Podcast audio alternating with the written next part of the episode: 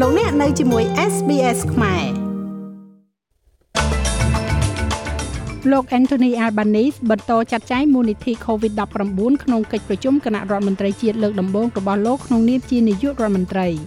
ប្រធានរបស់ SBS និងអភិបាលរដ្ឋអូស្ត្រាលីខាងត្បូងស្ថិតក្នុងចំណោមពលរដ្ឋអូស្ត្រាលីដែលត្រូវរុស្ស៊ីដាក់ទណ្ឌកម្ម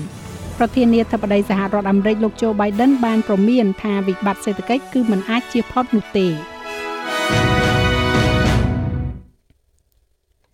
ក្នុងកិច្ចប្រជុំគណៈរដ្ឋមន្ត្រីជាតិលើកដំបូងរបស់លោក Anthony Albanese ក្នុងនាមជានាយករដ្ឋមន្ត្រី បានបញ្ចប់ទៅដោយលោកបរិយាយថាវាបានកើតឡើងនៅក្នុងស្មារតីល្អខុទ្ទកាល័យជាតិបានយល់ព្រមជួបប្រជុំគ្នា4ដងក្នុងមួយឆ្នាំហើយបានគ្រប់គ្រងការឈ្មោះទៅរកការបោះឆ្នោតប្រជាមតិលើសម្លេងមួយទៅកាន់សភាក្រមសម្ពាធក្នុងការបង្កើនមូលនិធិដល់ការថែទាំសុខភាពសាធារណៈ លោក Albanese បាននិយាយថារដ្ឋាភិបាលនឹងបន្តការចាត់ចែងមូលនិធិ COVID របស់ខ្លួនរហូតដល់ថ្ងៃទី30ខែធ្នូឆ្នាំ2022នេះ Uh, what that's about isn't necessarily additional dollars. អ្វីដែលស្ដីអំពីបញ្ហានោះគឺវាមិនចាំបាច់ថាជាការបន្ថែមប្រាក់ជំនួយនោះទេ វានិយាយពីការទទួលស្គាល់ថាប្រព័ន្ធមន្ទីរពេទ្យរបស់យើងនៅពេលនេះមានមនុស្សដែលគួរតែត្រូវបានមើលថែដោយគ្រូពេទ្យនៅក្នុងតំបន់របស់ពួកគេ កង្វះខាតគិលានុបដ្ឋាយិកានិងអ្នកជំនាញសុខភាពនៅក្នុងប្រព័ន្ធមើលថែទាំមនុស្សចាស់មានន័យថាមនុស្សជាច្រើនដែលគួរត្រូវបានមើលថែទាំនៅផ្ទះឬក៏ត្រូវបានមើលថែដោយនៅក្នុងមណ្ឌលមើលថែទាំមនុស្សចាស់នៅក្នុងប្រព័ន្ធមន្ទីរពេទ្យផងដែរ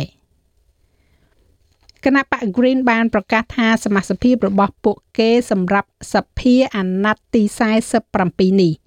លោក Adam Bett ដែលជាមេដឹកនាំគណៈបកនេះនឹងទទួលបន្ទុកផ្នែកប្រែប្រួលអាកាសធាតុ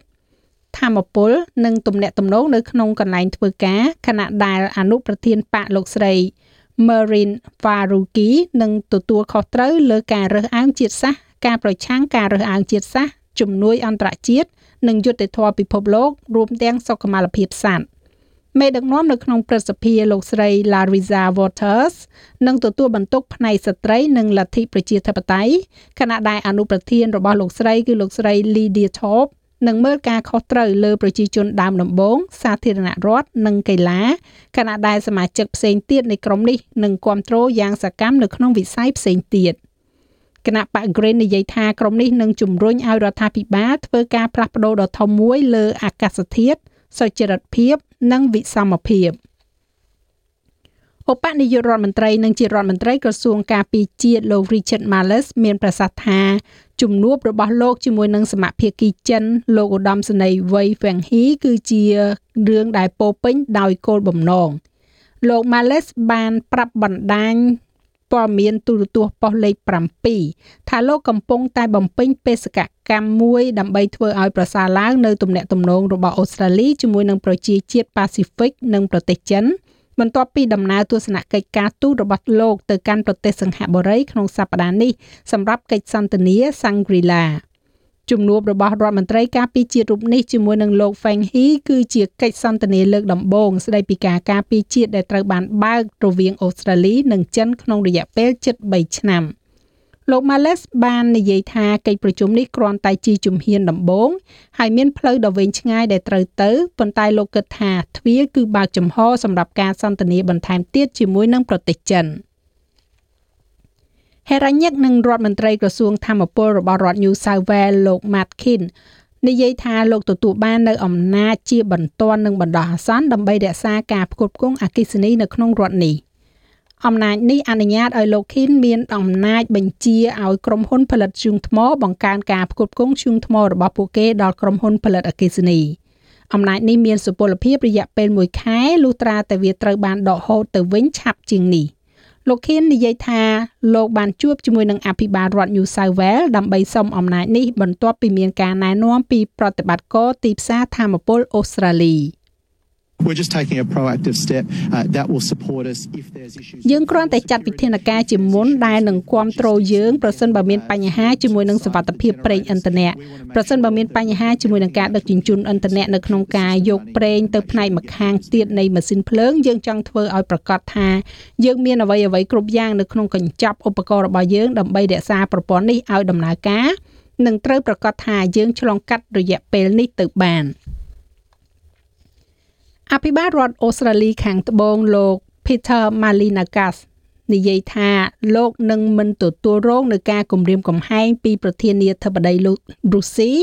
លោក Vladimir Putin នោះទេ បន្ទាប់ពីប្រទេសនេះបានដាក់ទណ្ឌកម្មមកលើរូបលោកនិងប្រជាជនអូស្ត្រាលីជាង100នាក់ផ្សេងទៀត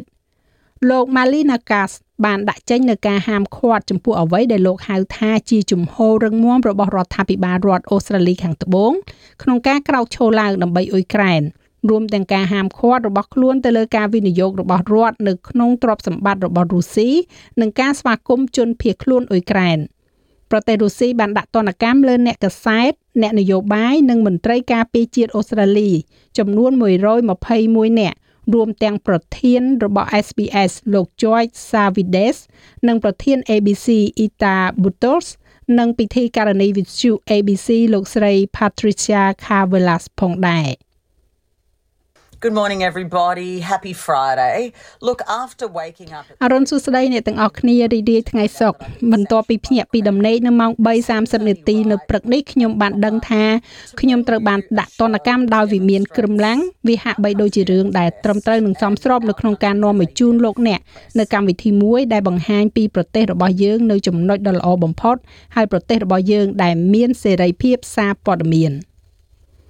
ប្រធានាធិបតីសហរដ្ឋអាមេរិកលោក Joe Biden បានប្រមានថាវិបត្តិសេដ្ឋកិច្ចគឺមិនអាចជៀសផុតនោះទេ បន្ទាប់ពីការដំឡើងអត្រាការប្រាក់ដ៏ធំបំផុតរបស់ធនាគារកណ្ដាលអាមេរិកចាប់តាំងពីឆ្នាំ1994មកលោកបានថ្លែងសន្ទរកថាជាមួយនឹងការព្រមានពីអ្នកសេដ្ឋកិច្ចថាការកើនឡើងអតិផរណានិងថ្លៃចំណាយការរស់នៅ ដែលត្រូវបានពង្រីកបន្ថែមដោយសង្គ្រាមនៅអ៊ុយក្រែនអាចបណ្ដាលឲ្យមានវិបត្តិសេដ្ឋកិច្ច ដោយនិយាយទៀតថាខណៈពេលដែលវាមិនអាចជៀសផុតសហរដ្ឋអាមេរិកគឺស្ថិតនៅក្នុងទីតាំងដែលរឹងមាំជាងប្រទេសដទៃទៀតលើពិភពលោកនៅក្នុងការយកឈ្នះអតិផរណានេះលោក Biden បានប្រាប់សារព័ត៌មាន Associated Press ថាប្រជាជននៅសហរដ្ឋអាមេរិកពិតជាទ្រុឌទ្រោមបន្ទាប់ពីឥទ្ធិពលនៃโรគរាតត្បាតជាសកល ហើយបានអំពាវនាវឲ្យមានធនធានកាន់តែប្រសើរឡើងចំពោះការថែទាំសុខភាពផ្លូវចិត្ត ការអធិប្បាយរបស់លោក Biden បានកើតឡើងនៅពេលដែលធនាគារអឺរ៉ុបក៏បានដំឡើងអត្រាការប្រាក់របស់ពួកគេផងដែរដើម្បីដោះស្រាយជាមួយនឹងអត្រាអតិផរណារួមទាំងធនាគារអង់គ្លេស Bank of England និងធនាគារជាតិ Swiss ផងដែរ។ នៅក្នុងប្រទេសកម្ពុជាវិញក្នុងសវនកម្មរបស់តុលាការសាលាដំបងរាជធានីភ្នំពេញកាលពីថ្ងៃទី15ខែមិថុនាលោកកឹមសុខាបានលើកឡើងថាចាប់ពីពេលនេះតទៅលោកគ្មានអ្វីជាប់ពាក់ព័ន្ធជាមួយនឹងលោកសំរងស៊ីទៀតទេក្នុងសារជាសម្លេងដែលគេថតយកមកចាក់ផ្សាយលោកកឹមសុខាបានបញ្ជាក់ជំហរយ៉ាងច្បាស់ថា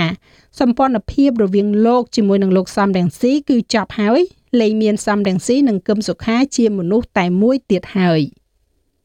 អត់មានសំណស៊ីកម្មសខាតែមួយទៀតទេអត់មានទៀតទេដូចសម្ដេចយល់ដែរពីមុនអត់មានវប្បធម៌សន្តិនិកមួយសពទៀតឥឡូវអត់មានវប្បធម៌សន្តិនិកមួយសពជីទៀតទេវាចឹងគេដើរក្រុមផ្សេងគេទៅនាំបាក់ភ្លើងទៀនអស់គេទៅបង្កើតចូលរួមបោះឆ្នោត ចាស់លោកមេងផល្លានឹងជូនសេចក្តីរាយការណ៍លម្អិតនៅវគ្គក្រោយជាបន្តទៀតឬលោកអ្នកអាចបើកស្ដាប់របាយការណ៍ពេញលើគេហទំព័ររបស់យើងនោះគឺ sps.com.au/ ខ្មែរ នៅក្នុងកីឡាបាល់ទាត់កីឡាករ Andrew Redman បានឆ្លុះបញ្ចាំងពីការសង្គ្រោះបាល់ពេណាល់ទីដែលធ្វើឲ្យឈ្នះនៅក្នុងការប្រកួតរបស់លោកនិងធ្វើឲ្យអូស្ត្រាលីមានលក្ខណៈគ្រប់គ្រាន់សម្រាប់ការប្រកួតបាល់ទាត់ពិភពលោកឆ្នាំ2022លោក Redman បានពិពណ៌នាវិនាទីនោះថាជារឿងដ៏អស្ចារ្យនៅក្នុងកម្មវិធីរបស់ ABC កាលពីព្រឹកមិញនេះ វាពិតជាអស្ចារ្យណាស់ហើយខ្ញុំបាននិយាយពាក្យនេះពីរបីដងហើយប្រសិនបើអ្នកអាចលើកកែវឡើងហើយនៅពេលដែលខ្សែប្រយុទ្ធពិតជាបានសុទ្ធបាល់ពេណាល់ទីហើយបន្ទាប់មកនៅពេលដែលបាល់ហោះនៅលើអាកាសហើយវានឹងហោះចូលហ្គោលនៅក្នុងគំនិតរបស់អ្នកអូព្រះជាម្ចាស់ខ្ញុំចិត្តសង្គ្រោះបានបាល់ពេណាល់ទីនេះហើយហើយយើងនឹងឈ្នះខ្ញុំចង់លើកកែវឡើងហើយសូមឲ្យអ្នកគ្រប់គ្នាចែករំលែកវាខ្ញុំគិតថាខ្ញុំរំភើបស្ទើរផុតពីដីសម្រាប់សាធាររណជនអូស្ត្រាលីដែលយើងអាចទទួលបាននៅបទពិសោធន៍ក្នុងការប្រកួត World Cup មួយផ្សេងទៀតហើយមើលឃើញក្រុមដែលមានពណ៌បៃតងនិងពណ៌មាសនៅលើឆាកពិភពលោកមួយនេះចាការប្រកួតថ្ងៃទី1នៃការប្រកួតបាល់ទាត់ពិភពលោកនៅកាតានឹងចាប់ផ្ដើមនៅចុងខែវិច្ឆិកា ចំណែកឯអត្រាប្តូរប្រាក់វិញនៅថ្ងៃនេះ1ដុល្លារអូស្ត្រាលីមានតម្លៃប្រមាណជា70សេនដុល្លារអាមេរិកត្រូវនឹង2850រៀលប្រាក់រៀលខ្មែរ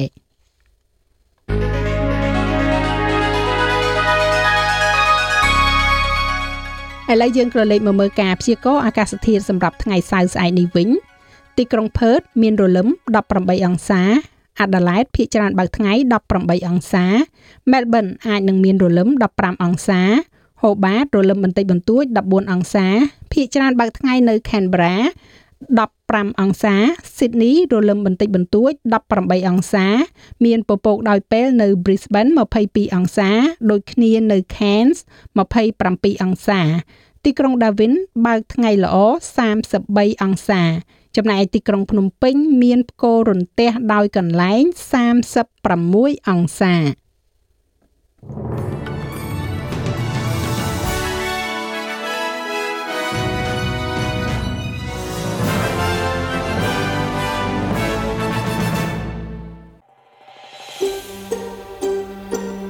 ចង់ស្ដាប់រឿងរ៉ាវបែបនេះបន្ថែមទៀតទេ